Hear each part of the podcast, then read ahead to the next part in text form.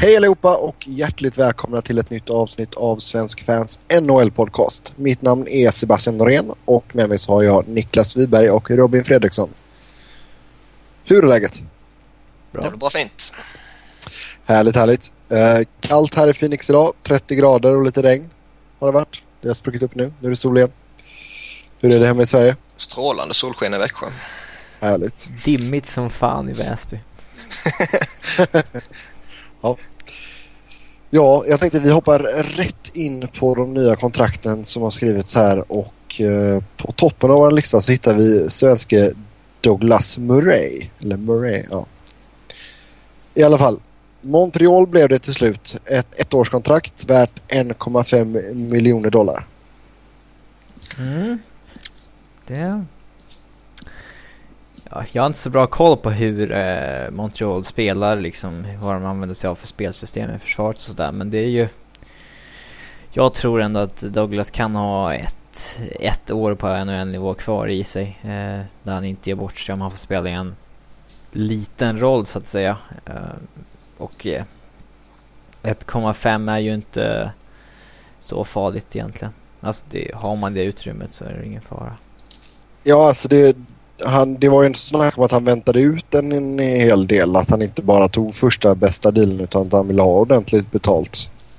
Mm, ja, lite risk, lite vågat så här i en uh, marknad där det verkar finnas uh, för många spelare mot vad det finns lag.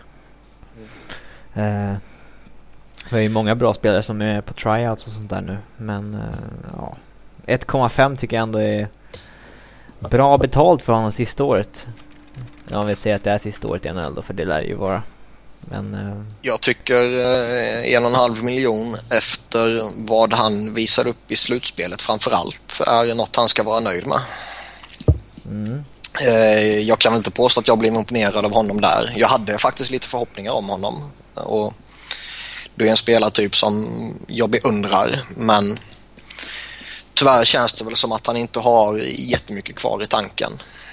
Sen är det väl som, som ni är inne på också att ett ettårskontrakt som inte är dyrt på något sätt kan man ju leva med i princip hur han än eh, presterar. Ja, men alltså jag tycker ju positionsspelet är väl helt okej okay och fysiken har han ju fortfarande. Det är bara att han, han är ju beror på vad du menar med fysiken. Ja, man kan ju fortfarande tacklas och sådär och täcka skott ja. och hålla på. Men han har ju inga, alltså, han har ingen speed kvar överhuvudtaget. Och han hade ju inte mycket speed till att börja med liksom. Sen, vet, sen vet man ju, tittar man på vilka namn som Montreal har i sin backbesättning så kommer han ju få en, vad jag förutsätter, en rätt liten roll. Alltså när de har eh, Subban, som jag för alltid kommer att kalla honom. Markov eh, och honom mer, Emilien Diaz, Gorgeous. Alltså det är ändå stabila snubbar som jag tror eh, kommer gå före honom i hierarkin. Sen vet man aldrig hur det går med de här Tinordi till exempel och Francis Bouillon kanske övertygar så Murray blir sjätte, eller sjunde back helt plötsligt. Och, ja. Mycket kan ske. Ja, Japp. Sen har vi... sista NHL-år. Det kan vi nog ja, slå fast. Det, Sen, sen, kan man väl säga, det, det, tror jag med. Sen kan man väl säga det också att Montreals lagbygge som helhet behöver väl lite muskler kan jag tycka. EA Sports verkar gilla Douglas Murray i alla fall, det har vi märkt. Japp. Ja, nästa man på listan är Mikhail Grabowski som landade i Washington och ett ettårskontrakt på 3 miljoner. Och jag för mig att det var Niklas som sa att Washington var en, eh, en hyfsad eh, lågoddsare. Ja, jag är väl rätt awesome helt enkelt. Eh, jag tycker det här är en bra deal för Washington. Um, Även om liksom jag, jag, inte riktigt gillar det här med att man har två toppcentrar som är så pass lika som jag ändå tycker att de här två är i, i Grabowski och Bäckström. Och jag ser väl Grabowski som topp 6-center. Eh, något annat mm, kan jag inte se att man eh, går in i säsongen med så att säga. Eh, det är ju en spelartyp som bör passa in i, i deras tänk och bör fungera bra med Adam Oates han kommer göra sina poäng. Ehm, men sen samtidigt så är det ju inte den här spelaren som lyfter laget till en fullskalig contender. Nej, men det är Sen, fortfarande en förbättring. Ja, det, absolut. Jag tycker det är ett uppköp eh, om man jämför Grabowski och Ribeiro. Om man tittar på jo. kontrakt och allt sånt där. Ja. Nej men alltså jag menar ska du, ska du vara en riktig contender, alltså ska Washington vara en riktig contender då måste ju Ovechkin vara on fire så som han var under andra delen av säsongen förra året. Mm. Ja men det, det har han ju, kan han nog vara men det gäller ju att några, några andra drar lasset också. Det har varit lite för mycket bara Ovechkin som ska göra det senaste åren. Så har det varit. Jag, jag tror man leder rätt mycket eh, med de problemen som eh, Brooks Leitch har haft.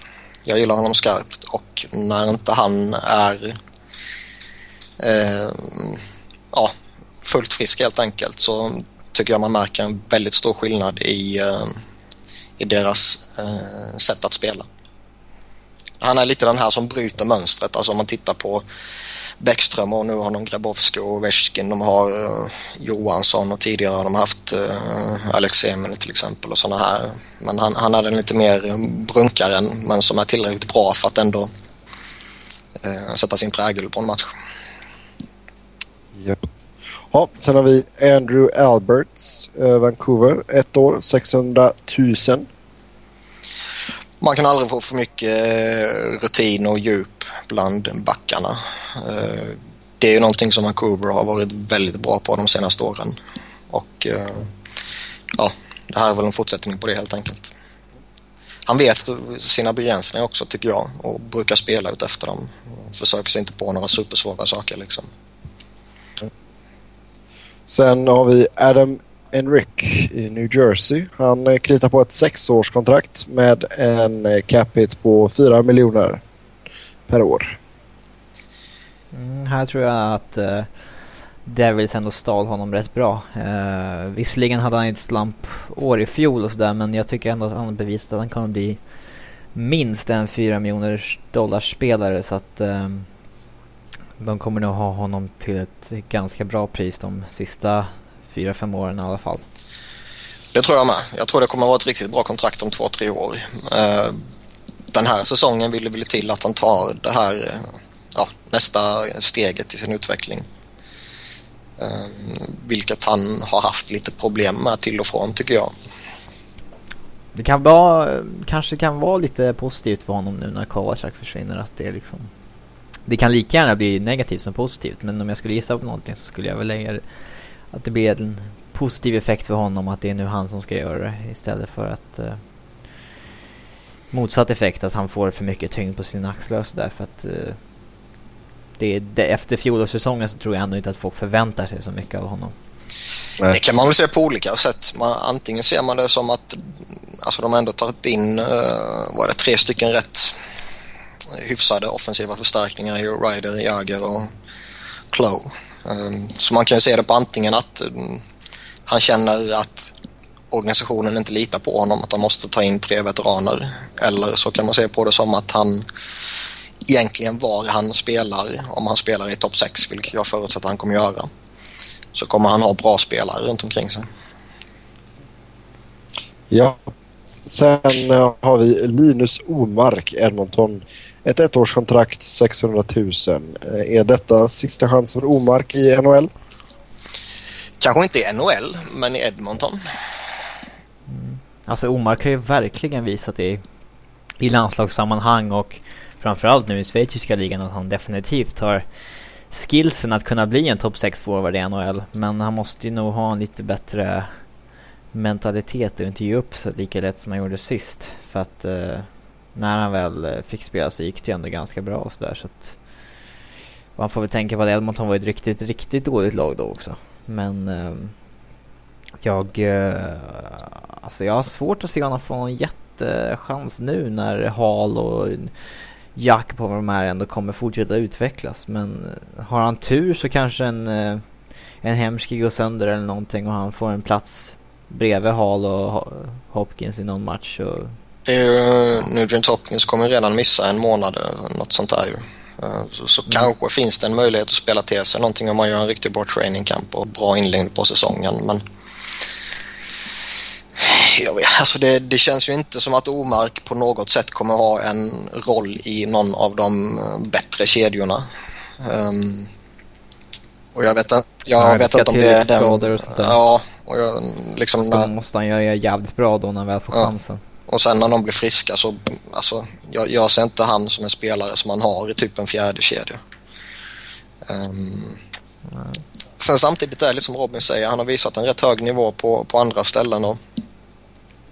Alltså man gör inte 70 poäng i Schweiz liksom, bara sådär om man inte har... Nej, han, han gjorde lika mycket poäng som... Han gjorde ju lika mycket poäng som Z när han ja. var där liksom.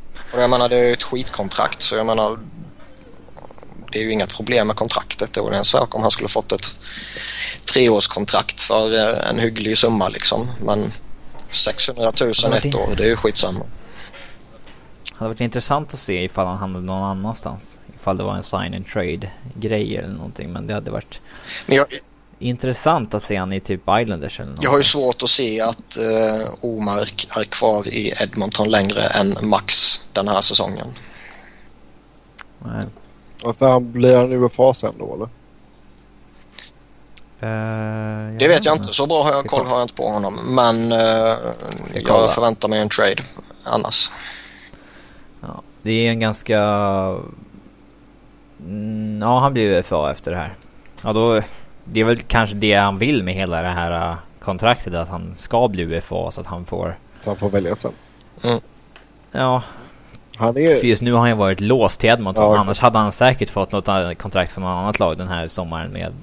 Ja, när man gör 70 poäng i schweiziska ligan sådär på under 50 matcher. Så. Ja, han, är, han är jättevälkommen hit till Phoenix. Ja. Frälsaren i Phoenix. Ja, exakt. Skriker efter en topp 6-winger liksom. Uh, sen har vi eh, den levande legendaren Temmu Selene. Temo. Anaheim såklart. Ett år till. Två miljoner. Detta är väl sista året va?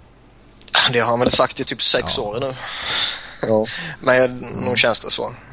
Um, jag tycker man märkte rätt tydligt den säsongen som var här nu att han spelmässigt inte är någon som man kan luta sig mot på något sätt. Uh, och det är inte konstigt för han, är 43 bast liksom.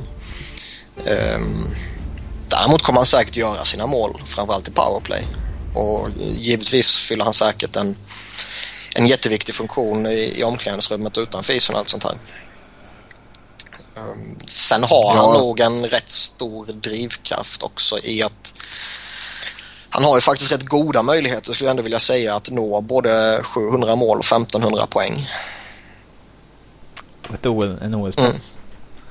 Mm. Um, så jag menar han kommer nog ha drivkraften och, och så länge han har um, ett mål förutom det, alltså om man säger det lagmässiga målet med att laget ska vinna och man ska till slutspel och man ska gärna gå långt i slutspelet och så här. Så, så tror jag det här att han, eh, han kan sikta på, på 700 mål och 1500 poäng kan vara en, eh, en riktig drivkraft. Jag har 70, jag har 70 poäng i år. Jag skulle inte säga att det är en omöjlighet. Det beror på vem man spelar med. Går han in i en första kedja hela säsongen med Perry och Getzlav så ser jag inte alls det som en omöjlighet. Uh, däremot... Uh, men hade jag varit dags hade jag inte satsat på honom. Nej, det håller jag med om. Men, eh, det håller jag med om. men spelar han där så ser jag det som en rätt stor möjlighet. Och jag tror definitivt han når 700 mål. Han är 25 baljor ifrån så det, det, det, tror jag han kommer klara. 1500 ja, poäng givetvis. En, allting ska ju funka för honom då men jag, jag ser inte det som en omöjlighet. Annars, annars får det vara en morot sen när Anaheim försöker övertala honom att köra ett år till. Eller Sen eh, i Chicago så signar man målvakt, sin målvakt Corey Crawford på ett sexårskontrakt med en cap hit på 6 miljoner om året. Ja. Jag tänkte säga en sak här innan ni får väga in. Eh, känns det inte som att man har börjat överbetala målvakter lite? Så den där trenden har ju kommit tillbaka lite att eh, knyta upp sina första målvakter på långa kontrakt. Eh, efter slutspelet där när Niemi och Leighton tog sina lag till en Stanley Cup-final så var det ju många som kände tvärtom att man kunde hitta en eh, bra målvakt billigt.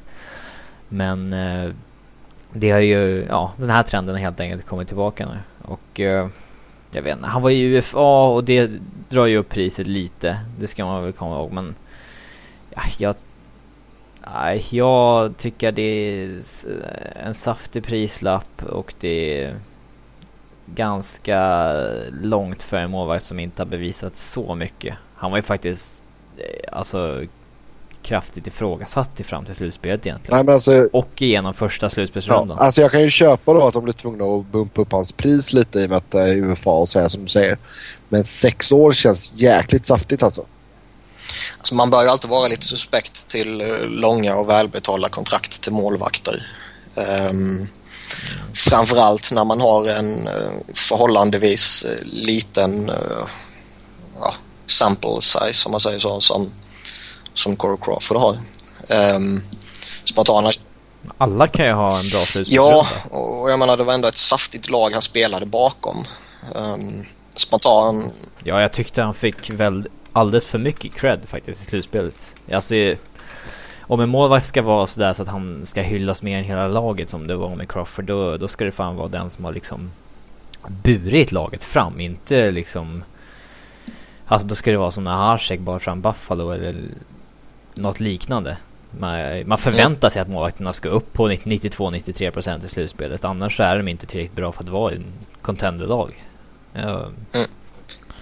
Däremot kan, kan jag känna lite att just i det här fallet så eh, är väl jag personligen redo att um, helt enkelt låta honom visa vad han går för en säsong till.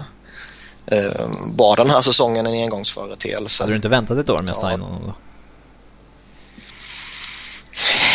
Det känns ju inte som en kille som ja, hade liksom hotat med att testa marknaden nästa sommar i alla fall. Alltså, om, om man hade haft ett bra år så hade man ju kunnat signa på det här kontraktet nästa sommar. Ja. Uh, ja, ja. Det, det, den, jag, jag, är inte helt övertygad om att situationen är rätt heller. Men, men sen samtidigt liksom att det han visade upp under säsongen tycker jag ändå är så pass bra så att uh, han förtjänar att bli uh, uppsäkrad innan kontraktet går ut om man säger så. Alltså ett år i förväg. Um, sex år. Sen, ja, det är som jag sa, sex år är ju för mycket och sex miljoner är ju för mycket. Men... Det där med längden, det får man liksom...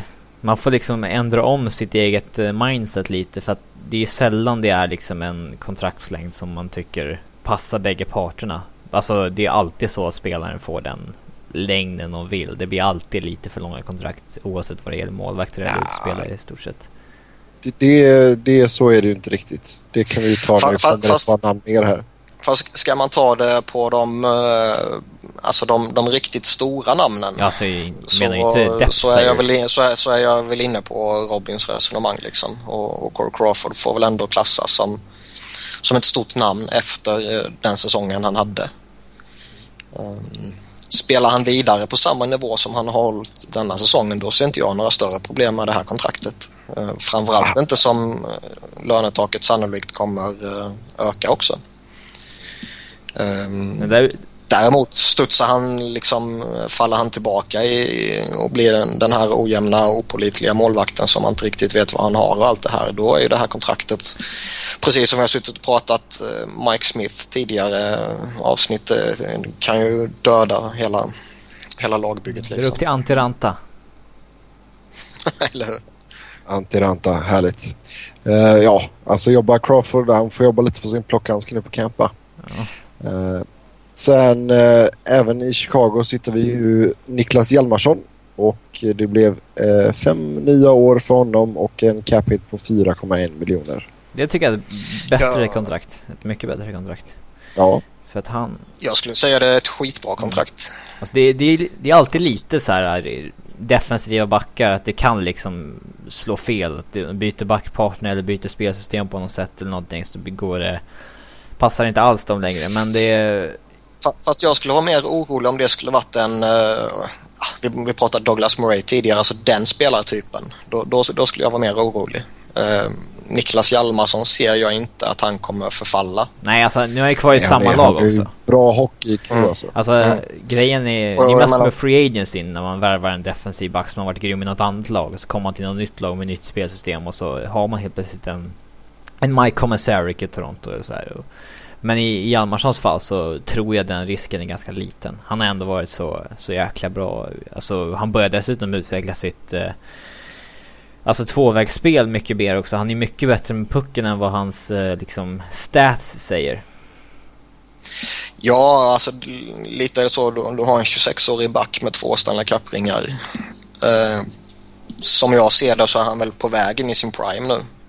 Om han inte redan har tagit klivet in i den så att säga. Eh, så kan man säkra upp honom för eh, strax över 4 miljoner per säsong så är det enastående bra. Japp. En annan svensk, eh, Marcus Johansson, hittar vi i Washington. Och eh, två nya år och eh, capita på 2 miljoner. Alltså jag, jag, tycker han är en märklig spelare. Eh, jag blir sällan imponerad av honom över en längre tid. Men samtidigt tycker jag att han imponerar väldigt ofta. Ehm, det är svårt att sätta fingret på. Men eh, det här kontraktet ser jag inte några problem med överhuvudtaget. Ehm, den enda stora om man säger problematiken och frågetecknet det är väl snarare om han faktiskt kommer lira i topp 6 den här säsongen. Ehm, utanför topp 6 ser inte jag honom som en fullt fungerande spelare. Ja. Robin, några visdomsord? Ja, alltså jag... Hade han haft en mycket bättre säsong i fjol så hade han ju haft ett mycket bättre kontrakt. Nu hade han ju ett litet slumpår tyvärr så att... Eh, han får väl acceptera att ta en bridge deal med lite billigare pröjs. Bridge deals alltså. Mm. Sen eh, kan vi hoppa till uh, Philadelphia Flyers. Uh, Dan Cleary, tre år, 2,75 mille. Ja. Det, ja, det. det, det är inte officiellt och allt sånt där ännu utan de måste ju vänta in uh, möjlighet att förflytta någon form av lön och det gör man ju antingen genom en trade eller väntar man in första dagen på säsongen och sätter Pronger på long term injured reserve och sen fixar man det så det, det, det, kommer lösa sig. Han är ju än så länge om man säger officiellt sett bara inbjuden på tryout men allt är ju klappat klart och överens och allt sånt här. Mm. Och jag har väl inget emot spelaren i sig. Eh, jag tror han kan fylla en väldigt viktig och nyttig funktion i en tredje kedja där, där man i, i dagsläget ser honom med Sean Couturier och McReed. Det, det är liksom en defensivt ansvarsfull veteran, bra ledaregenskaper. Ger alltid allt i alla matcher. Um, och som sagt, jag, jag, tror han kommer passa in bra i, i lagbygget. Däremot gillar jag ju varken längden eller kostnaden. Uh, tre, tre år är definitivt ett år för mycket och för ett treårskontrakt tycker jag 2,75 miljoner är uh, alltså 500-750 000 för mycket. Mm, alltså ska han få tre år då ska han ju ta en rejäl kompensation med lägre lön så att säga.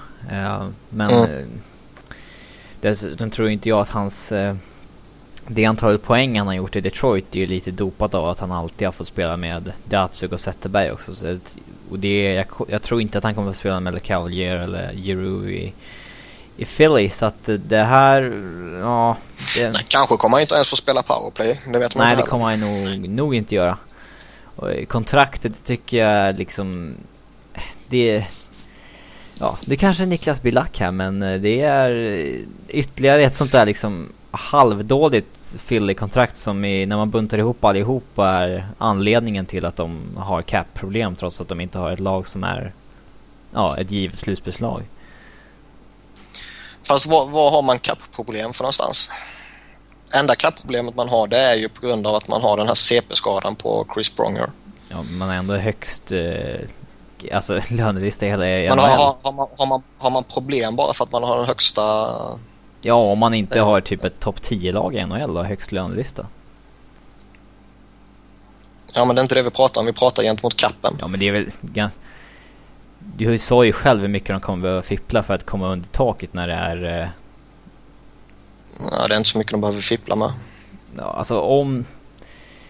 Om de kan eh, dumpa med Saros, det är väl den... Eh, det, det som de borde göra nu, men alltså...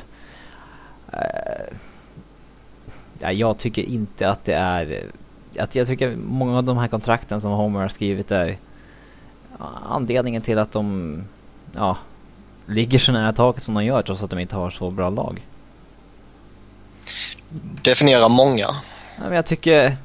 Alltså är det två eller tre eller är det tio? Jag, jag, jag kan ju, men jag är givetvis färgad men jag, jag kan inte se jättemånga kontrakt som är jag tycker att det är, helt Jag tycker att det är för många kontrakt som är liksom så här 500, 700 000 kronor eller dollar för dyrt. Sett till hur många det är som är man ändå liksom har lite, lite fynd på. Ja, det håller jag i och för sig inte jag med om. Men det, jag tror vi har tagit det snacket för några, någon månad, några månader sedan också. Va? Mycket möjligt. Moving on. Uh, i, ja, här i Phoenix så blev det äntligen klart med uh, en förlängning för Mikkel Böttger, dansken. Eh, ett tvåårskontrakt värt 2,55 ja, 2,55 miljoner i. Och ska jag ta den pucken eller? du är nog den enda svensken som ja. bryr sig om den. ah, Okej, okay. ja det är bra. Nej, jag, vet, jag vet några som gillar Butker så det är lugnt. För alla Butker-fans. Nej men alltså här snackar vi eh, också då en bridge deal som vi var inne på förut eh, Robin där. Och jag vet att Butkers camp, de vill ju ha ett längre, ett längre kontrakt. Medans... Jag är inte förtjänt av. Klubb... Medans klubbledning... Jag tycker inte han är förtjänat men... överhuvudtaget. Nej, medans klubbledningen då ville ge honom en bridge deal och säga ja, upp till bevis nu. Liksom. Och det, det är ju vad som gäller här nu då. De tror ju fortfarande mycket på Butker. Men det gäller att han börjar visa det i protokollet också. Phoenix är väl alltid ett lag där det kommer vara svårt att göra sådär jättemycket poäng men eh, han eh, eh han måste ju ja, börja göra fler poäng än vad han gjort ifall han ska ha en chans till ett, ett längre avtal tror jag. Ja. Ja, fan kan Verbata smälla in över 30 mål så. Mm. Ja men han verkar inte vara någon riktig målskytt Böttger. Nej, alltså, det är lite med grejen med Böttger var ju i alla fall i början. Han har ju blivit lite bättre men han... Även om han hade läget så letar han passen. Istället för att ta skottet. Det har ju varit lite hans problem. Men eh, det är ju någonting han jobbar på liksom. Så vi får hoppas att han fortsätter att gå själv lite mer. Sen har vi sista kontraktet här. Colin Greening i Ottawa Senators. Ett treårskontrakt med en cap hit som landar på 2,65 miljoner. Ja, jag ser väl inga större problem med det kontraktet heller.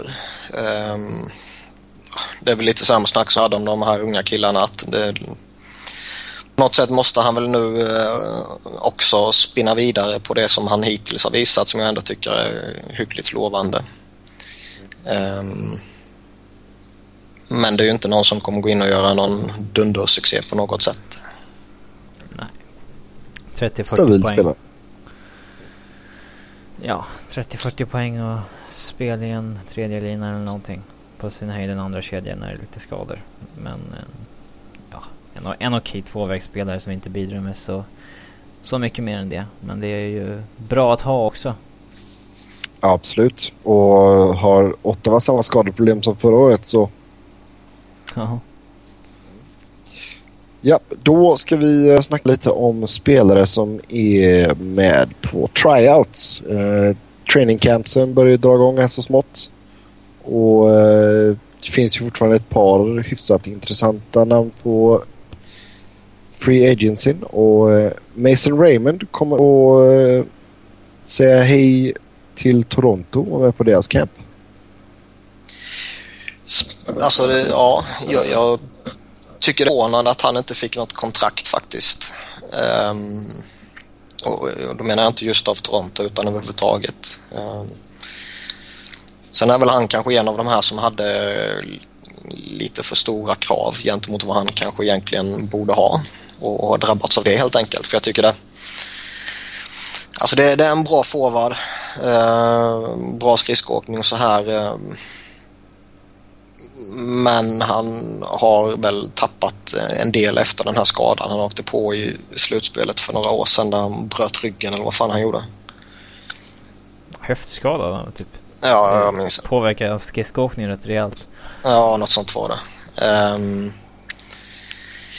Så jag är lite förvånad över att Toronto trots allt tog in honom. Um, för de har fortfarande kvar uh, Natsun Kadri och Cody Franson att skriva kontrakt med. Och de har, uh, vad är det, strax under 5 miljoner i cap space vilket de två bör fylla upp rätt. Ja, Franson verkar be om fyra. Ja, ja, jag skulle ju säga det. Det kan nog vara svårt att få in de två på fem alltså. Mm. Ja, så då det är liksom frågan, tar, tar de in Raymond för att på något sätt uh, sätta press på en sån som Kadri till exempel? Um, eller uh, tar de in honom, alltså många lag tar ju in tryout-spelare för att fylla den här kvoten med veteran, veteraner som man måste ha med i träningsmatcherna. Uh, och så hjälper de till på det sättet i de första träningsmatcherna innan alla de här stjärnorna då är är ja, spelklara helt enkelt. Så kanske det är en sån grej. Ehm, svårt att sätta fingret på exakt vilken funktion han kommer fylla hos dem för som sagt jag jag ser väl inte att de har ett problem eller någon plats med honom helt enkelt om, om de nu väljer att uh, behålla spelarna de har och skriva kontrakt med Kadri och Franson. Ja, sen eh, i ditt kära Philly Niklas så uh, hittar vi Hal Gill. Ja, uh, ja, samma grej som med Mason. Alltså lönemässigt så ska det väl till att någon ska bort för att han ska komma in. För jag tror även om han säkerligen kommer signa billigt om det skulle bli aktuellt med en kontrakt så tror jag inte han kommer signa för liksom minimum. Uh, och jag ser väl inga problem med det. Det är en veteran, han kanske kan lära några av kidsen någonting. Um, det värsta som kan ske är att han är totalt värdelös och att man får säga hej då till honom efter tre dagar. Och jag menar, då är det ingen större skada skedd heller. Nej. Den enda situationen jag kan se där han eventuellt skulle kunna få ett kontrakt det är ju om man gör sig av med en sån som Metsaros i en trade och man inte är helt nöjd med till exempel eh, Bruno Gervais som, som sjunde back. Yes.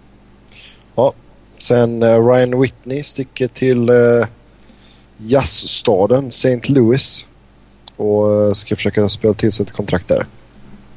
Jag tycker att det är en, en inbjudan som sänder rätt konstiga signaler till uh, ja, Peter Angelo framförallt. Eh, jag fattar inte. Eh, de har ju...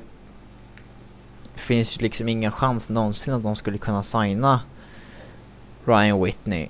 De har ju resignat Bowmister, Jordan Lee och Paul och det finns ingen plats för honom i topp 6 och de ska dessutom in med Peter Angelo där och det finns inte realistiskt nog alltså löneutrymme för att få plats med bägge två. Eh, så jag vet inte vad han gör där.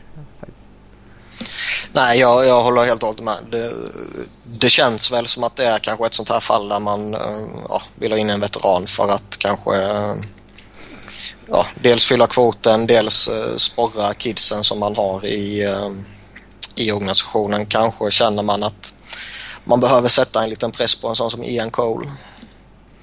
Uh, för att han ska ta nästa kliv kanske han behöver utmanas på training camp av en sån som Whitney helt enkelt. Ja, sen uh, David Stecker han åker till uh, Minnesota där man hittar många svenskättlingar. Det är väl också en sån här spelare som jag kände att uh, lite märkligt att han fått ett kontrakt. Um, för jag tycker ändå det är liksom en kompetent rollspelare. Eh, en bra center att ha i, eh, i eh, lite lägre ner i hierarkin så att säga. Som, ja, han gör sitt jobb tycker jag. Verkar aldrig kosta särskilt mycket heller. Nej, exakt. Alltså det är ju oftast under miljonen för honom. Ja. Lite märkligt. Billig peng.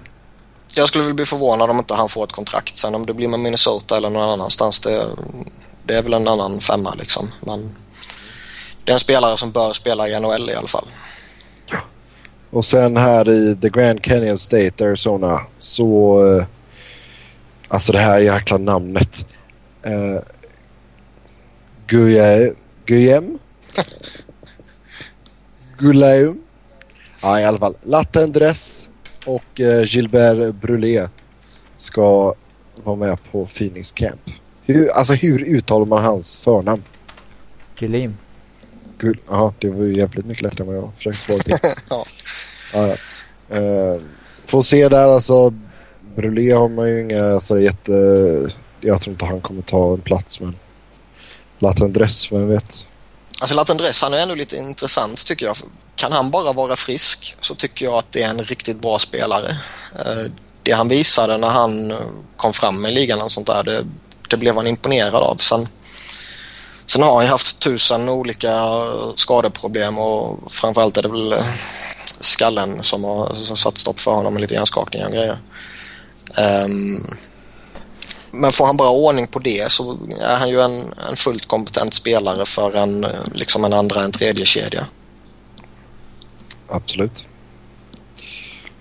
Då ska vi ta lite andra nyheter och eh, vi börjar med att säga att eh, John Tavares är ny kapten i New York Islanders. Chockerande. Så eh, grattis till honom. Ska vi köra en liten applåd? Nej. Så. Nej. Då ska vi se. Nu ska ni få svara på lite så, frågor här. Vi har en lista här med lag som är utan kaptener. Och eh, ni ska få ge era eh, svar och en kort motivering om vem som borde vara kapten i respektive lag. Och eh, jag tänkte vi börjar, vi kör bokstavsordning. Och därför så börjar vi med Buffalo. Och Niklas, du börjar. Den som egentligen känns mest lämpad det är väl Thomas Warneck. Men jag är inte helt övertygad om att han kommer vara kvar i Buffalo när den här säsongen är färdigspelad. Um, alltså går de in i sin uh, rebuild mode fullt ut så är det ju en spelare som man bör få ut någonting av framåt trade deadline kanske. Så jag skulle säga Christian Ehrhoff. Uh, ehm, det är en spelare som sannolikt kommer vara där i rätt många år. Uh, jag tycker han har med Buffalos mått mätt en bra kombination av rutin och skills. Um, och som, som sagt, det, det, ja, osäkerheten kring Varneks framtid gör att jag väljer bort honom. Ja, Robin, ditt tips? Eh, jag lutar nog också åt att de väljer Christian Ehrhoff. Alternativt att de, eh, ja. Jag tror att de tycker att eh, Talinder är lite för dålig nu för tiden för att kunna få någon axlarna och sånt under ett, en säsong eller någonting. Men eh, nej, alltså det finns så få alternativ i det där laget. Och då, nej, det är egentligen bara Ehrhoff som kan få det. Då tar vi nästa lag och det är Calgary. Här är också, alltså det är ju liknande situation här kanske. Um, en sån som... Det är Jordan. Ja, ja exakt. Jag, jag känner det också. Men en sån som Camilleri kanske egentligen skulle vara aktuell men det är ju samma sak där. Kommer han vara kvar? Um, alltså skulle jag vara GM och jag ska utse en kapten och jag vet att den här spelaren är någon som vi bör försöka göra oss av med för att få lite resurser liksom. Då kommer jag inte göra honom till kapten. Nej, Så jag, det är jag håller bra. med om Giordano. säger- Ja, vi säger båda Giordano där. Nästa då, Columbus. Mm. Jag skulle ge det till eh, Dubinski eller Umbrier. Det är två krigare som har varit med rätt länge och eh, framförallt Dubinski har ju även den, eh, liksom en offensiv kompetens och kan vara en ledare. Alltså om man säger rent prestations och produktionsmässigt, inte bara med sin närvaro. Um, annars, förutom de två ser jag väl inte egentligen några sådana där jättealternativ. Alltså de har ju... Det känns ju som de har velat göra Jack Johnson till kapten ända sedan de tradade för Det honom kan de inte göra. Nej, jag ser inte Alltså, heller han som någon han är- kapten. Även om han har varit kapten i flera omgångar i amerikanska landslaget och lite så här så... Ja, jag, jag är fortfarande lite tveksam till honom. Jag, jag tror att det blir Johnson, eh, om de väljer någon. Eh, eller Dubinski. Eller kör man roterande? Ja, det är det töntigaste som finns. Man ska ha en kapten. Ja, Punkt. det är väldigt, det är väldigt löjligt. Eh, nästa lag, Dallas Stars. Det är lite intressant också. Alltså, jag gillar ju inte unga kaptener. Ehm, jag tror vi har haft det uppe till diskussion tidigare. Och liksom jag, jag, jag tycker inte om att man, man ger kaptensrollen till liksom, den unga stjärnan bara för att han är den unga stjärnan. Eh, vilket man har sett i jättemånga situationer. Och, om vi, ja, Tavares senaste exemplet här till exempel. Där var det väl Ja, de har inget alternativ så där, där tycker jag det var rätt. Ehm, men med vissa liksom undantag så, så gillar jag inte när man ger en 21, 22, 23, 24-åring en, en lagkaptensroll för jag tror inte man är redo fullt ut helt enkelt. Ehm, även om Dallas helt och hållet egentligen är Jamie Benns lag numera. Ehm, och det är han som kommer leda det här laget fram så så skulle jag inte ge honom kaptensrollen just för att han är ja, för ung helt enkelt. Jag tycker inte om det. Även om han är kanske precis lite på gränsen. Han är väl 24 bast precis tror jag. Utan jag, jag skulle vilja överväga en sån som Sean Horkoff faktiskt. Även om han är helt purfärsk och inte kan organisationen på det sättet. Men jag har alltid gillat honom. Har han alltid varit lite överbetald och allt sånt här. Men det, jag, jag tror han skulle kunna göra sig bra som kapten i Dallas. Robin? Eh, jag tror att det kommer hamna hos Jamie Benn. Eh, för han är inte så ung liksom så att han... eh, ja, det är inte som man ger den till Tyler Sagan direkt. Det, han har ändå varit där länge nu Ben och... eh, ja, 24 bast är inte så ung. Nej, det var som jag sa, det det är på gränsen. Ja. Ehm, Men som sagt, jag, jag föredrar hellre att man ger det till en, en liten äldre veteran som, som kan ta det i några år till, till den här snubben är liksom fullt ut inne i sin prime. Både prestationsmässigt och ledarmässigt och på och utanför isen och med media och hela, liksom, hela grejen. Då har vi tre lag kvar på vår lilla lista här och först eh, ut där är då Edmonton Oilers. Det mest logiska här är väl eh, Ryan Smith om man tittar på vad man har gjort tidigare och allt sånt där.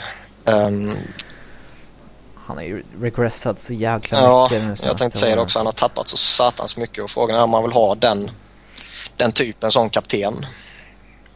Ehm, det, det, det är väl lite ja, tveksamt helt enkelt. Men åt, återigen, alltså, eh, jag gillar inte att ge dem till de här unga killarna. Annars tror jag säkert att en sån som liksom Taylor Hall eller kanske um, Eberly eller Gagner eller någon sån där kan mycket väl komma upp i en diskussion men jag vet inte, jag, jag, de känns inte som kaptensmaterial heller. Känns som att Edmonton är ett sånt lag där de kommer ge den till ett av de här yngre up and coming namnen. Ja. Eh, Nugent Hopkins. ja. Nej. Hall tror jag det. Ja det tror jag. Jag tror Taylor Hall eller eh, Smith eller ingen. Ja, det känns mer logiskt att ge det till Hall ifall han hade fått det här genombrottet än. Men han har inte, eh, visst, alltså han gjorde ju över en poäng per match i fjol men det är inte riktigt samma sak som att göra det över en 82 matchers säsong. Eh, och få det där riktiga erkännandet som en Mm, superstar. Ha, eh, näst sista laget här då, Ottawa, som ska välja ny kom- kapten efter att Alfredsson lämnat för Detroit. Fick in den också. Alltså som jag ser det finns det bara ett alternativ och det är Jason Spezza. Um, Erik Karlsson. Mika Zibanejad. vad sa du Sebbe? Jag sa Erik Karlsson och sen kommer Robin med Mika Zibanejad. Alltså Erik Karlsson är ingen spelartyp jag skulle vilja ha som kapten. Ehm, vi, Det är klart att det blir spetsat. Visst, Det eh, han, han är bra och allt sånt här och han kommer göra sina poäng och bla bla bla. Men en kapten ska vara ett föredöme och visst spetsa kan också vara lite suspekt i det fallet. Men Erik Karlsson är inte föredöme som kapten enligt mig. Skulle det här varit för ett eller två år sedan så skulle jag skrivit under på Chris Phillips direkt.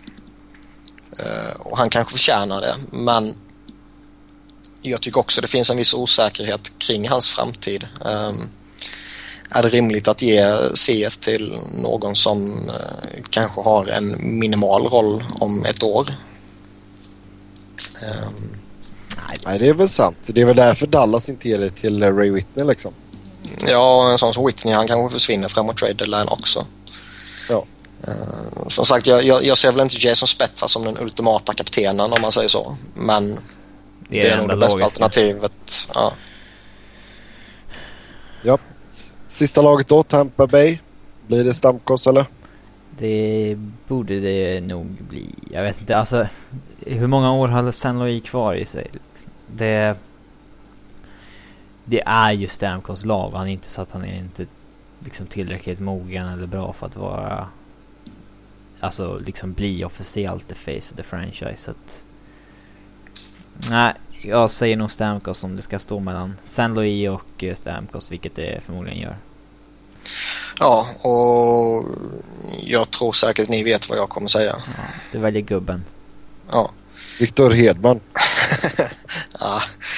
Nej, alltså nej, samma resonemang som tidigare. Jag gillar inte när man ger den till den unga superstjärnan bara för att det är den unga superstjärnan. Men i Stamkos fall så är det, det bara för det. Nej, men sen samtidigt, alltså jag, jag är han superkaptensmaterial? Jag vet inte. Det är alltid, det är alltid jävligt svårt att diskutera eh, när man inte är inne i omklädningsrummet. Men, ja, det är det. Eh, Och det, det, det är väl kanske lite därför som jag också är lite restriktiv för att ja, men då går man den säkra vägen och ger den till veteranen liksom. Ja, men det är väl inte alltid att gubbarna är goa gubbar, eller hur? Det kan vara griniga gubbar. Ja, det kan, vara, det kan gå helt åt helvete med en gubbe. Alltså,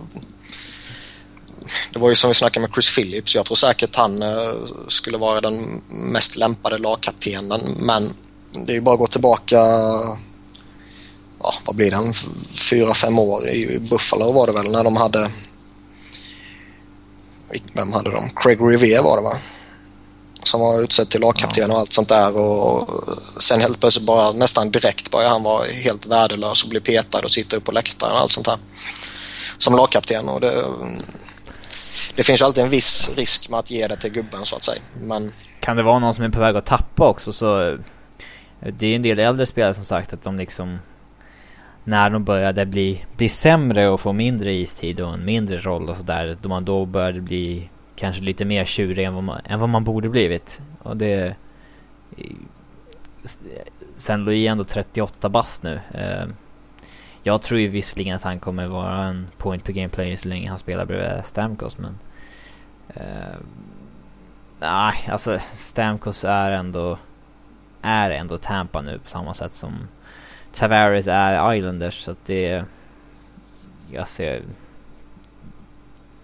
De borde få scen där tycker jag. Japp. Var eh, Eric Brewer, var inte han kapten tidigare förresten? Eric Brewer... Uh, om det var i Edmonton eller om det var i... St. Louis var han i. Ja. St. Louis tre år. Eh, kanske är det en liten smygare men sen samtidigt så känns det som att... Just det och eh, man ska ju tänka på att uh, Tampa gjorde ju misstaget att ge La Cavalier set för tidigt. Nu är mm. visserligen inte samma folk som är kvar. Uh, men ändå. De kanske har det i åtanke. Det, det är nog en sån sak som hänger kvar när man resonerar. Sen samtidigt så... Stamkos är fyra år äldre än vad La Cavalier var då. Men, uh... Ja, och jag menar bossen fick ju sitt se, Steve Eisman fick ju sitt se väldigt, väldigt tidigt så... Mm. I, I, Detroit då. Det gäller ju att identifiera vad det är för person. Om det är en som kommer växa med set eller om det är en som kommer eh, liksom så, så är det. Sen är det, nog, sen, är, sen är det nog en jävla skillnad att vara kapten i Tampa Bay eller vara kapten i typ Edmonton. Mm. Och då, då, menar jag typ medielandskap och exponering och allt sånt där. Jo, det är klart. Jo, men sen det är ju inte så att de bara utnämner honom. De, de snackar med honom också och säger du är redo för detta. Tror du Så de bara, ja, nu, nu är du kapten. det är väl det typ, tror fan att de, ta, tror fan att de talar med kandidaterna först. Nej, skicka ett sms med ett C i bara så får man tolka det som man vill. C? Han bara nej, ska jag till Calgary? No! Uh, ja, där lämnar vi det i alla fall och så rör vi oss då till Calgary. Där uh, Hockey är hett. Uh, en fav favorit, en man man älskar att hata. Brian Burke är klar som President of Hockey Operations. Uh, jag tror väl inte att det är dåligt för Calgary på något sätt. Att uh, Burke har ändå så pass starkt CV att han uh, kommer kunna göra bra saker där. Men... Uh, ja, men man har ju fortfarande kvar Jay Feaster. Ja, det, alltså situationen det, det, är, är konstig med, vad då ska Burke vara där och bestämma men det ska ändå vara en annan som är GM som ska liksom jag menar det kommer ju vara, är Brian Burke i en organisation så är det ju han som bestämmer där. Det, det är just det som är lite intressant med Calgary för jag ska inte påstå att jag har en jättesuperkoll på liksom Calgarys front office och sånt här men det sägs ju att det är väldigt många röster inom organisationen som vill ha väldigt mycket att säga till om. Ehm, all, allt från ägare och hela vägen ner liksom till, till GM och coach och allt sånt där. Liksom, att där finns det några individer som anser att de ska liksom, bestämma om fler saker än vad de kanske bör göra. Ja, men det kommer ju inte att funka med Burke. Nej, och då är frågan, kommer liksom hela organisationen ändra approach och liksom acceptera att okej, okay, det är Brian Burke som styr det här skeppet eller kommer det bara bli total kaos? Jo men vadå, det Burke borde göra det är ju att sparka alla. Och så blir man direkt skit opopulär på sitt nya jobb. Ja, det är mycket möjligt men det, det är verkligen avgå alla där ju. Ja, jag tror nog att Burke har stake för att göra det. Det tror jag. Men det är inte... Feaster är kass med många trades som han gjort sånt där men det är samtidigt en en ägargrupp som har sagt att de ska satsa mot slutspel hela tiden istället för att ta den här rebuilden som de behövt göra de senaste 3-4 åren. Och det har ju satt dem i, i bara fler problem med liksom usla kontrakt och, och Dennis sen, Wideman och sånt där. Men... Sen är det lite intressant också att det här sker liksom, ja, nu var det ju häromdagen. Um, alltså han har ju varit ledig hela sommaren. Var, varför varför säkrar man inte upp honom tidigare så att han faktiskt kanske kan påverka någonting? Ja, så att han kan påverka någonting av det man vill göra under sommaren liksom. Uh, för att komma in exakt i, i de här dagarna, alltså vad blir det liksom fem dagar innan training camp eller något sånt där. Det är rätt otacksamt. Jo. Nej men alltså grejen kan ju vara den också att Burke har väntat ut också. Ja, ja, det vet man ju inte givetvis. Nej. Ja, jag tror Calgary är inte det attraktivaste jobbet att ta just nu. Nej, absolut inte. Det, det ska vi ju ta när vi snackar eh, Pacific Division nästa vecka.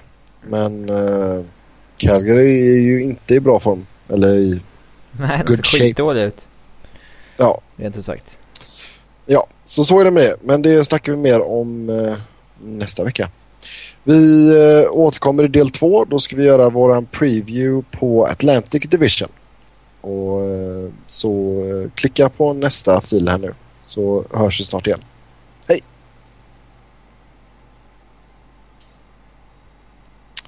Ja, kan vi ta en minut och dricka lite vatten och sådär eller? ja, gör du det.